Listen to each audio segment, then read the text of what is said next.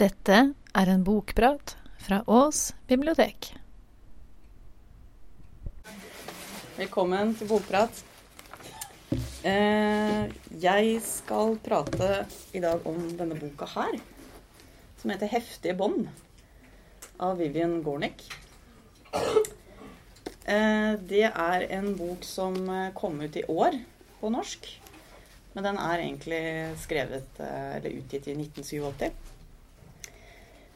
Og den har fått sånne strålende omtaler eh, nesten i alle de store avisene. Fått kjempemottakelse. Og det er flere norske forfattere, riktignok på samme forlag, da, oktober, som har skrytt eh, veldig veldig av den boka her. Og Per Petterson blant annet, han har skrevet eh, forordet til boka. Så denne hadde jeg ganske store forventninger til. Eh, Vivian Gornick hun er eh, 84 år. Og hun bor i New York. Hun er fra Bronx. Hun har eh, hele sitt voksne liv vært journalist og kritiker. Og hun har ikke skrevet noen skjønnlitterære bøker. Eh, hun har skrevet memoarer og essays hovedsakelig. I tillegg til masse artikler, selvsagt.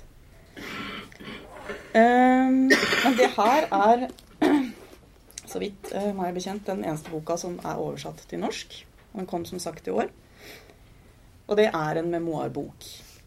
Det er en bok om Vivian sin, uh, sitt forhold til moren. Det er hovedtemaet i boka. Uh, men hadde ikke jeg visst at det var det som er bakgrunnen for boka, hennes egne erfaringer og hennes eget liv, så hadde jeg tatt det for å være en roman hvilken som helst dag, altså. Denne her er veldig eh, Veldig Mikser sjangerne veldig, syns jeg. På en bra måte.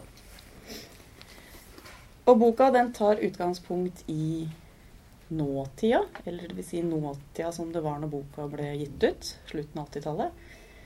Det er Vivian og moren, som vi aldri får vite navnet på, tror jeg. De går rundt i, i New Yorks gater, eller i ja, rundt omkring i Bronx, er det vel stort sett. Hvor de mimrer om eh, fortida og snakker om gamle bekjente og naboer, og de småkrangler og de ja, karolerer og i det hele tatt. Så det er utgangspunktet, og så får vi disse, disse, disse historier fra, fra den tida, da. Eh, så Vivian hun vokser altså opp med moren sin, faren sin og broren sin. og De bor i Bronx, i en gammel eh, bygård.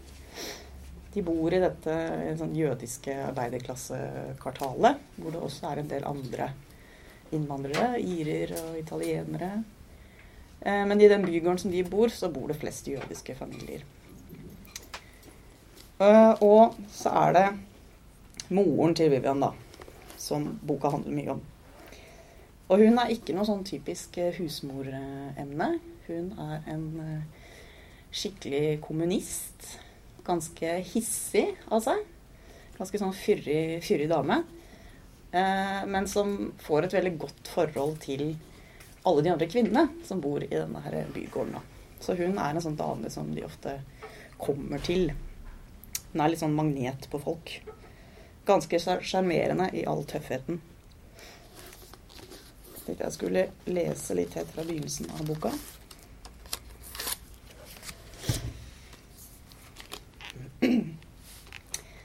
Jeg er åtte år. Moren min og jeg kommer fra leiligheten vår ut på trappeavsatsen i andre etasje. Fru Drykker står i døråpningen til leiligheten ved siden av og tar seg en røyk. Moren min låser døra og sier til henne, 'Hva gjør du her?' Fru Drykker kaster på hodet i retning av sin egen leilighet. 'Han vil ligge med meg. Jeg sa til han at han er nødt til å ta seg en dusj før han får tak på meg.' Jeg vet at han er ektemannen hennes. Han er alltid ektemannen. Hvorfor det, er han så skitten, sier moren min. Jeg synes han kjennes skitten, sier fru Drykker. Drykker, du er ei hore, sier moren min. Fru Drykker trekker på skuldrene. Jeg kan ikke ta banen, sier hun. I Bronx var det å ta banen en eufemisme for å jobbe. Jeg bodde i den leiegården fra jeg var 6 til jeg var 21. Den hadde 20 leiligheter, fire i hver etasje. Og det eneste jeg husker, er en bygning full av kvinner. Jeg husker knapt mennene. De var overalt, så klart. Ektemenn, fedre, brødre. Men jeg husker bare kvinnene. Og jeg husker dem alle som grovkornede, sånn som fru Drykker, eller hissige, sånn som moren min. De snakket aldri som om de visste hvem de var, eller forsto den avtalen de hadde inngått med livet, men de tedde seg ofte som de visste det. Kløktige, labile, uskolerte agerte de i en dreiserisk skala. De kunne ha flere år med tilsynelatende ro, så plutselig utbrudd av panikk og villskap, to eller tre merkede, kanskje ødelagte, liv, og så la tumultene seg. Nok en gang. Gretten taushet, erotisk dvale, den daglige fornektelsens alminnelighet. Og jeg, jenta som vokste opp blant dem, som ble skapt i deres bilde. Jeg sugde dem til meg som jeg ville gjort med kloroform på en klut lagt over ansiktet. Det har tatt meg 30 år å forstå hvor mye av dem jeg forsto. Moren min og jeg er ute og går. Jeg spør henne om hun husker kvinnen i den bygningen i Bronx. Selvfølgelig, svarer hun. Jeg sier at jeg alltid har tenkt at det var det seksuelle raseriet som gjorde dem så sprø. Absolutt, sier hun uten å sakne farten. Husker du fru Drycker? Hun pleide å si at hun ikke røkte mens hun hadde samleie med mannen, ville hun kaste seg ut av vinduet. Og Simmermann på den andre siden av oss. De giftet henne bort til ham da hun var 16. Hun kunne ikke fordra ham. Hun pleide å si at hvis han ble drept på jobben, han var bygningsarbeider, ville det være en mitzva. Moren min slutter å gå. Hun senker stemmen av ærefrykt for sitt eget minne. Han pleide faktisk å ta henne med makt, sier hun. Plukke henne opp midt på stuegulvet og bære henne til sengs. Hun stirrer ut i luften et øyeblikk. Så sier hun, de europeiske mennene, de var dyr, bare rene dyr. Hun begynner å gå igjen. En gang låste Simermann ham ute. Han ringte på hos oss. Han klarte knapt å se på meg. Han spurte om han kunne gå gjennom vinduet til branntrappa. Jeg sa ikke et ord til ham. Han gikk gjennom huset og klatret ut av vinduet. Moren min ler. Det vinduet ut mot branntrappa, der var det jammen trafikk. Husker du Sessa ovenpå? Å nei, du kan ikke huske henne. Hun bodde der bare det første året etter at vi hadde flyttet inn i huset. Etterpå var det russerne som var i den leiligheten. Sessa og jeg var venner. Det er så rart når jeg tenker på det. Vi kjente hverandre knapt. Noen ganger snakket vi ikke med hverandre i det hele tatt. Men vi bodde oppå hverandre, og vi gikk inn og ut av hverandres hjem. Alle visste alt på null komma niks. Noen måneder i bygningen, og så var kvinnene, tja, fortrolige. Denne Sessa, hun var en vakker ung dame, hadde bare vært gift i noen år. Hun elsket ikke mannen sin. Hun hatet ham ikke heller. Han var en bra mann, faktisk. Men hva skal jeg si, hun elsket ham ikke. Hun pleide å gå ut hver dag. Jeg tror hun hadde en elsker et sted. Uansett, hun hadde langt, svart hår ned til rumpa, og en dag klipte hun det. Hun ville være moderne. Mannen sa ikke noe til henne, men faren hennes kom hjem til dem, kastet ett blikk på det nyklipte håret og slo henne i ansiktet så hun så sin egen bestemor i det hinsidige. Så beordret han mannen til å låse henne inne i en måned. Hun pleide å komme ned branntrappa, inn vinduet og ut av døra mi. Hver ettermiddag i en måned. En dag kom hun tilbake, og vi drakk kaffe på kjøkkenet. Jeg sa til henne, Sessa, fortell faren din at dette er Amerika, Sessa. Amerika. Du er en fri kvinne. Hun så på meg og sa, Hva mener du med å fortelle faren min at dette er Amerika? Han er født i Brooklyn.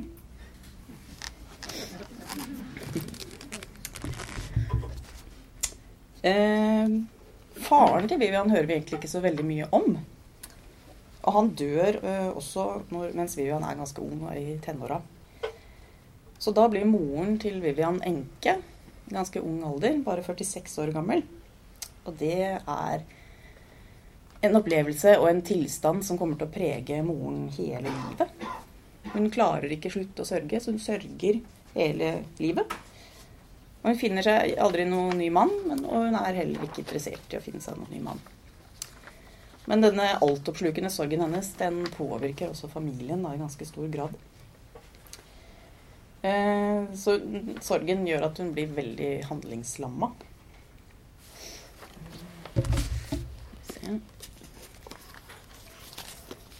Så lese litt om foreldrene til Vivian. Foreldrene mine så vekselsvis i det ene eller det andre av de to midtre rommene, noen år på baksiden, noen år på forsiden, hvorpå det ubrukte rommet ble stue. I årevis slepte de en diver, diger Filco-radio og tre monstruøse møbler, En overstoppet sofa og to stoler med rødbrunt trekk ivevd gulltråder. Fram og tilbake mellom rommet på forsiden og rommet på baksiden. I oppveksten grublet jeg på hvorfor foreldrene mine aldri hadde lagt beslag på et av de små rommene selv. Hvorfor de sov i så åpent lende. Og da jeg var i 20-årene, spurte jeg moren min om hvorfor. Hun så på meg akkurat 30 sekunder for lenge. Så sa hun. Vi visste at begge barna trengte et eget rom.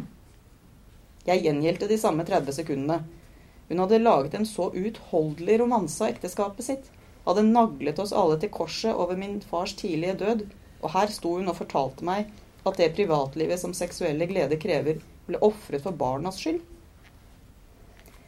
Moren min hadde skilt seg ut i bygningen.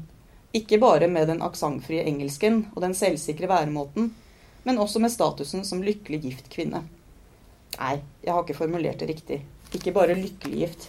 Magisk gift. Fullstendig gift. Foreldrene mine var lykkelige sammen, det tror jeg. Væremåten deres overfor hverandre var vennlig og kjærlige, men atmosfæren moren min og jeg delte, var gjennomsyret av et ideal om ekteskapelig lykke som gjorde den enkle virkeligheten til en faktor som ikke fortjente respekt, og som definitivt ikke var det ting dreide seg om. Det ting dreide seg om, var mammas forgudende holdning til fortreffeligheten ved sitt ekteskapelige liv, fulgt av en fnysende forakt for alle ekteskap som ikke lignet hennes og den innbitte instruksen hun ga meg på hundre måter gjennom tusenvis av dager om at kjærligheten var det viktigste i en kvinnes liv. Pappas kjærlighet hadde i sannhet mirakuløse egenskaper. Ikke bare kompenserte den for kjedsomheten og angsten, den var årsaken til kjedsomheten og angsten.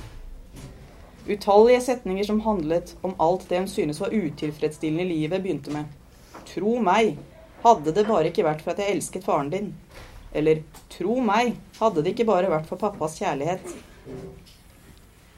Hun snakket åpent om at hun hadde hatet å slutte å jobbe da hun ble gift.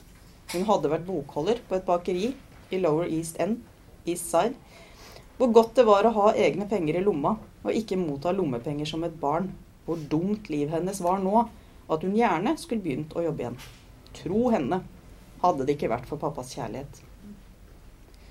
Alt fra arbeidet på kjøkkenet til sexen på soverommet ble forvandlet av pappas kjærlighet. Og jeg tror jeg tidlig skjønte at sex faktisk måtte forvandles. Hun hatet ikke sex, men hun lot seg avfinne med det. Hun sa aldri at fysisk kjærlighet var uviktig eller usmakelig for en kvinne, men setninger som 'Faren din var en veldig lidenskapelig mann'. 'Faren din var alltid klar'. 'Faren din kunne ha ti kvinner på én natt', etterlot meg med en følelse av at for å ta av seg klærne og gå til sengs med en mann, var hun nødt til virkelig, virkelig å elske ham. Ellers slo hele foretakene feil. Jeg husker at jeg, at jeg da jeg var 16 og dyden min var truet for første gang, hver dag våknet til den evinnelige kampen som herjet i hodet og kroppen, og taust tryglet moren min. Men ma, hvordan vet jeg om jeg virkelig, virkelig elsker ham? Det eneste jeg vet, er at jeg er brunstig, og han presser meg, han presser meg. I oppgangen på parkbenker hver kveld på kjøkkenet mens du ligger og vrir deg på den andre siden av en vegg to meter unna, trygt bakenfor frontlinja, er jeg her ute i skyttergravene. Men det kom ingen hjelp. Kjærligheten i min mors leksikon var ikke kjærlighet. Den var kjærligheten. En følelse på et høyere plan, av åndelig karakter, av moralsk støpning. Framfor alt en følelse som var umiskjennelig når den var til stede, og like umiskjennelig når den var fraværende. En kvinne vet om hun elsker en mann, sa moren min. Hvis hun ikke vet det, elsker hun ham ikke. Disse ordene ble uttalt som de kom fra Sinai. Tolkninger av det mangfoldet av menneskelig atferd som sies å springe ut av kjærligheten, var ikke nødvendig i hjemmet vårt. Hvis moren min ikke kunne identifisere reaksjoner på en ektemann eller en elsker hos en annen kvinne som var identiske med hennes egne, var det ikke kjærlighet. Og kjærligheten, sa hun, var alt. En kvinnes liv ble bestemt av kjærligheten. Alle bevis på det motsatte, og slike bevis var det flust av, ble gjennomgående avfeid og ignorert, strøket ut av diskursen, nektet adgang av intellektet hennes. En gang i mitt nærvær, jeg må ha vært ti, fortalte en venn henne at hun tok dønn feil, og at forestillingen hennes om kjærlighet var absurd, og at hun var en slave av ideen om ekteskapet.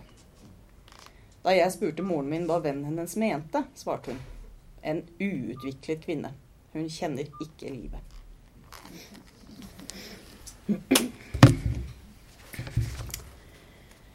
Eh, når Vivian blir voksen, så, så er det akkurat som den her voldsomme Denne her veldig starten til moren om hva kjærlighet er. Og denne lammelsen av sorg over å ha mistet ektemannen, den eh, virker jo helt motsatt på Vivian. Så hun, eh, hun forholder seg til kjærlighet og forhold på, på en helt annen måte. Hun vil ikke basere livet sitt på det hun kaller for fantasier, men hun vil prøve å leve det. Men det å hele tiden også være seg bevisst et sånt type prosjekt kan jo også sikkert bli ganske slitsomt. Så Vivian hun har flere forhold, men alle tar slutt. Så gifter hun seg ganske tidlig som 24-åring med en kunstmaler. Som hun egentlig ikke er sånn veldig forelsket i, men som hun føler at matcher intellektet hennes og deler hennes verdier. Um, dessverre så skal det vise seg at disse to de ikke er den beste matchen. Nå skal lese litt om Vivian og hennes ektemann Stefan. Stefan og jeg vendte tilbake til California og satte i gang med å skape et hjem av en fireroms leilighet i North Beach. Stedet var et eneste rot, smuldrende vegger, flassende tak, sprukne gulv. Men rommene var velformede og lyset forvandlende, og jeg tror vel at vi trodde at ved slutten av dette prosjektet kom vi til å være rette ekte folk. Vi gikk til verks med hjerter som faktisk var lettet ved tanken på arbeidet som lå foran oss. Hjerter som nå ble tyngre for hver dag og hver natt, ettersom vi forsøkte å takle den fryktinngytende virkeligheten en villfaren impuls hadde bundet oss til. For første gang så vi hvor fremmede vi var for hverandre. Jeg hadde ikke ett bohemsk bein i hele kroppen, og han hadde ikke ett urebelsk i sin. Jeg tålte ikke mangel på sammenheng i fysiske omgivelsene, og han tålte ikke et rom som virket ferdig. Jeg verdsatte klartenkthet. Han ble tiltrukket av mystiske åpenbaringer. Hver dag brakte det med seg mange øyeblikk av ulykkelighet som det tok timevis å komme over. Og hver kveld tok vi med oss forvirringen, lengselen, den lammede intensiteten vår til sengs. Bare sjelden grakk kroppene våre oss noen lindring, og da kun i en time. Det var min første opplevelse av seksuell kjærlighet som katarsis, hvor man er like ensom om morgenen som man var kvelden før. Alt i alt var leiligheten rik på plass, men hvert rom var relativt lite. Problemet dette bød på, var Stefans atelier. Da vi giftet oss, hadde vi blitt enige om at for å konsolidere livet vårt og spare penger, skulle han si opp det romslige kjelleratelieret han hadde bodd i, og innrede et atelier i leiligheten. Et tårnlignende rom med vinduer på alle kanter i enden av leiligheten hadde virket ideelt. Nå innså vi hvor lite gulvplass tårnrommet egentlig inneholdt. Nå ja, vi skulle ta saken opp til vurdering når vi kom så langt. I mellomtiden bestemte vi oss for å begynne med kjøkkenet like innenfor inngangsdøra og sakte jobbe oss gjennom leiligheten. Det, sa jeg, var det mest logiske å gjøre. Ja, samtykket Stefan, det var det mest logiske å gjøre. Når jeg tenker tilbake på det, rom for rom, meislet vi ut avstanden, målte adskillelsen, implementerte tapet. Det var et stort, gammeldags arbeidskjøkken med tre høye vinduer, en bred, grunn vaskekum høyt plassert i en benkeplate av tre, og en innebygd sittebenk og et bord. Vi gipset og la linoleum. Da rommet var ferdig og bordet og benken var gnistrende hvite, malte Stefan en bred, oransje stripe rundt kanten av bordet. Den oransjefargen. På de vondeste dagene lindret den oransjefargen hard og lysende hjertet mitt, renset tankene mine. Ofte når jeg tenker tilbake på leiligheten, er det den oransje stripa rundt kjøkkenbordet jeg først ser. Så presser mulmet seg på. Kjøkkenet var det stedet der jeg først begynte å skjønne betydningen av ordet kone. Her var vi, to 24-åringer. 24-åringer. Den ene dagen var vi doktorand og en utøvende kunstner, den neste dagen var vi kone og mann. Før hadde vi alltid satt de simple måltidene våre på bordet sammen. Nå var plutselig Stefan på atelieret sitt hver kveld og tegnet eller leste, og jeg var på kjøkkenet og strevde med å tilberede og servere et måltid vi begge mente burde være skikkelig. Jeg husker at jeg brukte halvannen time på å tilberede en eller annen grufull gryterett fra et dameblad. Vi langet nye oss på ti minutter, før jeg brukte en time på å rydde opp, mens jeg stirret ned i oppvaskkummen og tenkte er det dette jeg skal gjøre de neste 40 årene? Jeg oppdaget at jeg avskydde matlaging. Klarte ikke å ta inn over meg den sosiale verdien av det. Undret meg ustanselig over hvorfor det skulle falle på meg å stå for denne tjenesten vi begge trengte likt monn, og forble bevisst udugelig mye lenger enn det som strengt tatt var nødvendig. Likevel, en morgen tre måneder etter at vi hadde giftet oss, sa Stefan til meg Du lager elendig kaffe. Og jeg ble ulykkelig. Ingen av oss hadde noen gang brydd seg om god kaffe før, eller hvem av oss som hadde tilveiebrakt denne kaffen god eller dårlig. Nå var plutselig den dårlige kaffen på bordet en mangel ved meg. Motivert til å korrigere denne påståtte svakheten gikk jeg, til en italiensk kafé nede i gata og sa sørgmodig til de pensjonerte mennene som satt der. Mannen min sier jeg lager elendig kaffe. De stimlet øyeblikkelig rundt meg. Én sa at det var den ferdigpakkede kaffen. Én sa at det var kanna, og én sa at det var vannet. Jeg kjøpte en trakter, umalte kaffebønner og vann på flaske. Likevel var kaffen elendig. For svak, for sterk, for mild, for bitter. Noen ganger interessant, aldri deilig. På en fest en kveld sa en maler som var dobbelt så gammel som meg. Ja, men det handler om målene. Bare mål nøyaktig, så garanterer jeg at det blir bra. Han hadde rett. Jeg lærte meg å måle, og kaffemiserinnen endte like brått som den hadde begynt. Som om jeg hadde kjørt gjennom en tåkete strekning på en kveld der sikten allerede var dårlig.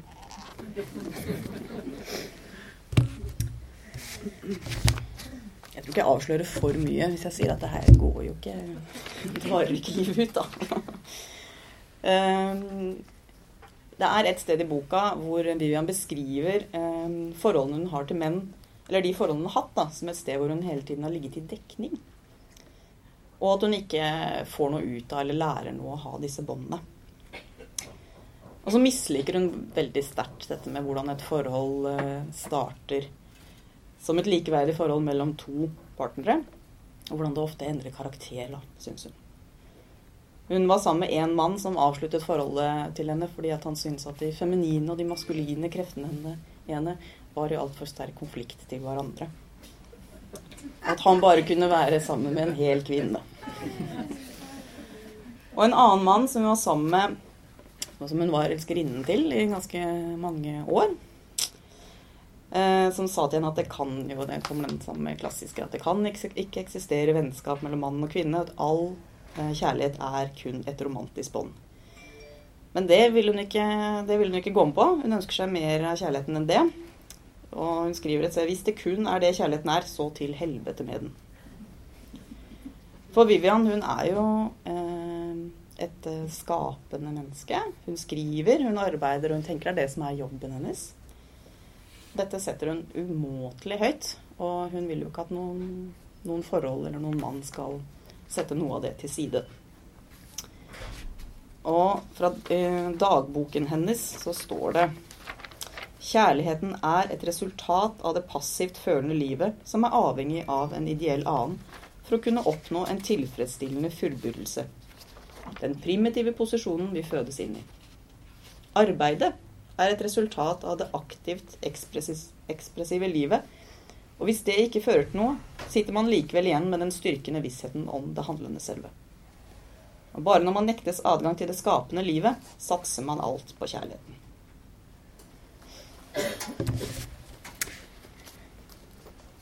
Det er veldig mye om forhold og kjærlighet. Men denne boka her er veldig veldig mye mer om det. Jeg har ikke egentlig snakket så veldig mye om forholdene disse to kvinnene imellom. Um, men, men, det er liksom akkurat dette her hvordan de ser på kjærligheten, da. Det er ganske gjennomgående, og det kommer, det kommer stadig fram. Les litt mot slutten av boka, hvor Vivian og moren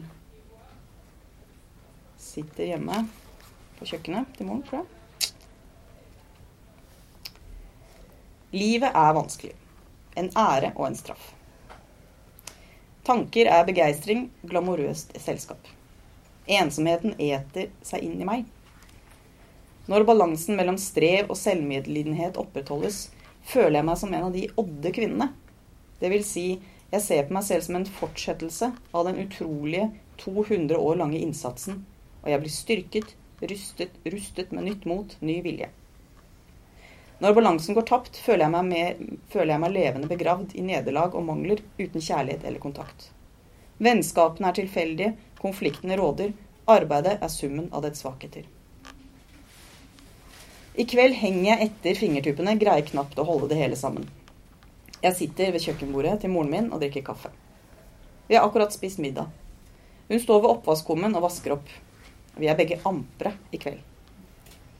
Det er heten, sier hun. Leiligheten er aircondition sval, men vi er begge altfor glad i ekte frisk luft. Vi har slått av anlegget og åpnet vindu.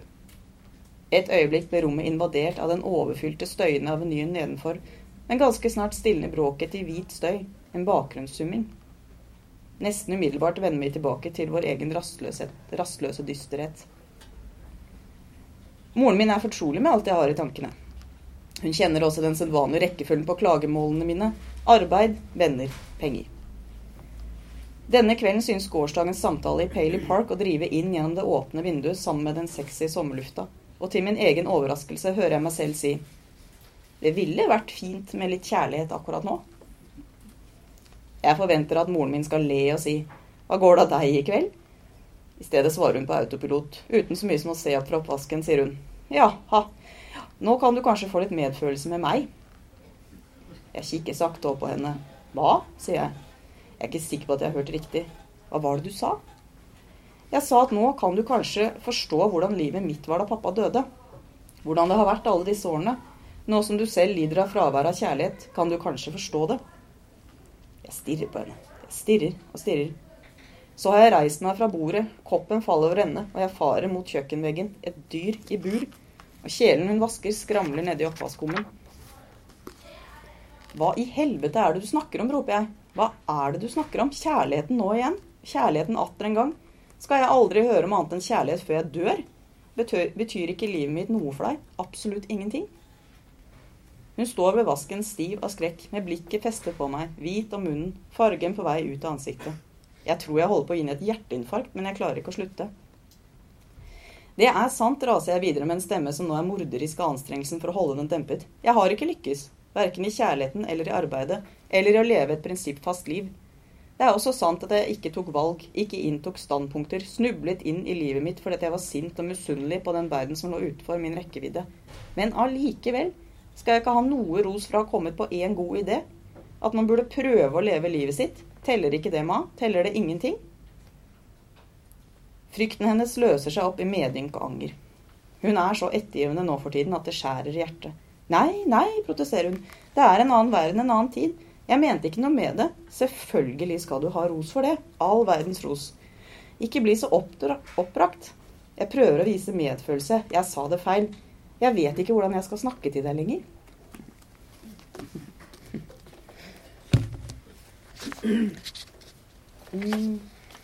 Ja, når man leser den boka, så, så er det jo ikke så vanskelig å å forstå at moren og Vivian er jo veldig forskjellige på veldig mange områder i livet. Eh, Vivian har tatt en lang utdannelse eh, og lengter på en måte egentlig kanskje etter å være en bohem. Men så er hun jo ikke det allikevel, som jeg leste i stad. Hun har ikke et bohemsk bein i hele kroppen. Eh, men så er det moren som har liten utdannelse. Eh, som har vært litt i jobb, men ikke noe særlig. Og som går rundt og, og, og ser på livet sitt som, som over. Men moren har jo opplevd den store kjærligheten, da. Så er hun jo ganske mye drama. Hun er en dramatisk dame.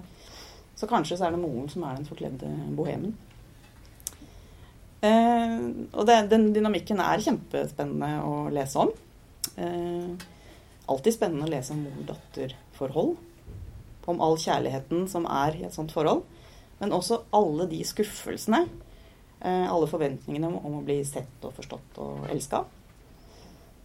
Eh, så liker jeg veldig godt at boken bare viser fram alt dette her. Den kommer ikke med noen sånn forsoning eller løsning på ting. Eh, det kommer til å skrives bøker om mor- og datterforhold eh, i all evighet. Om mange hundre år.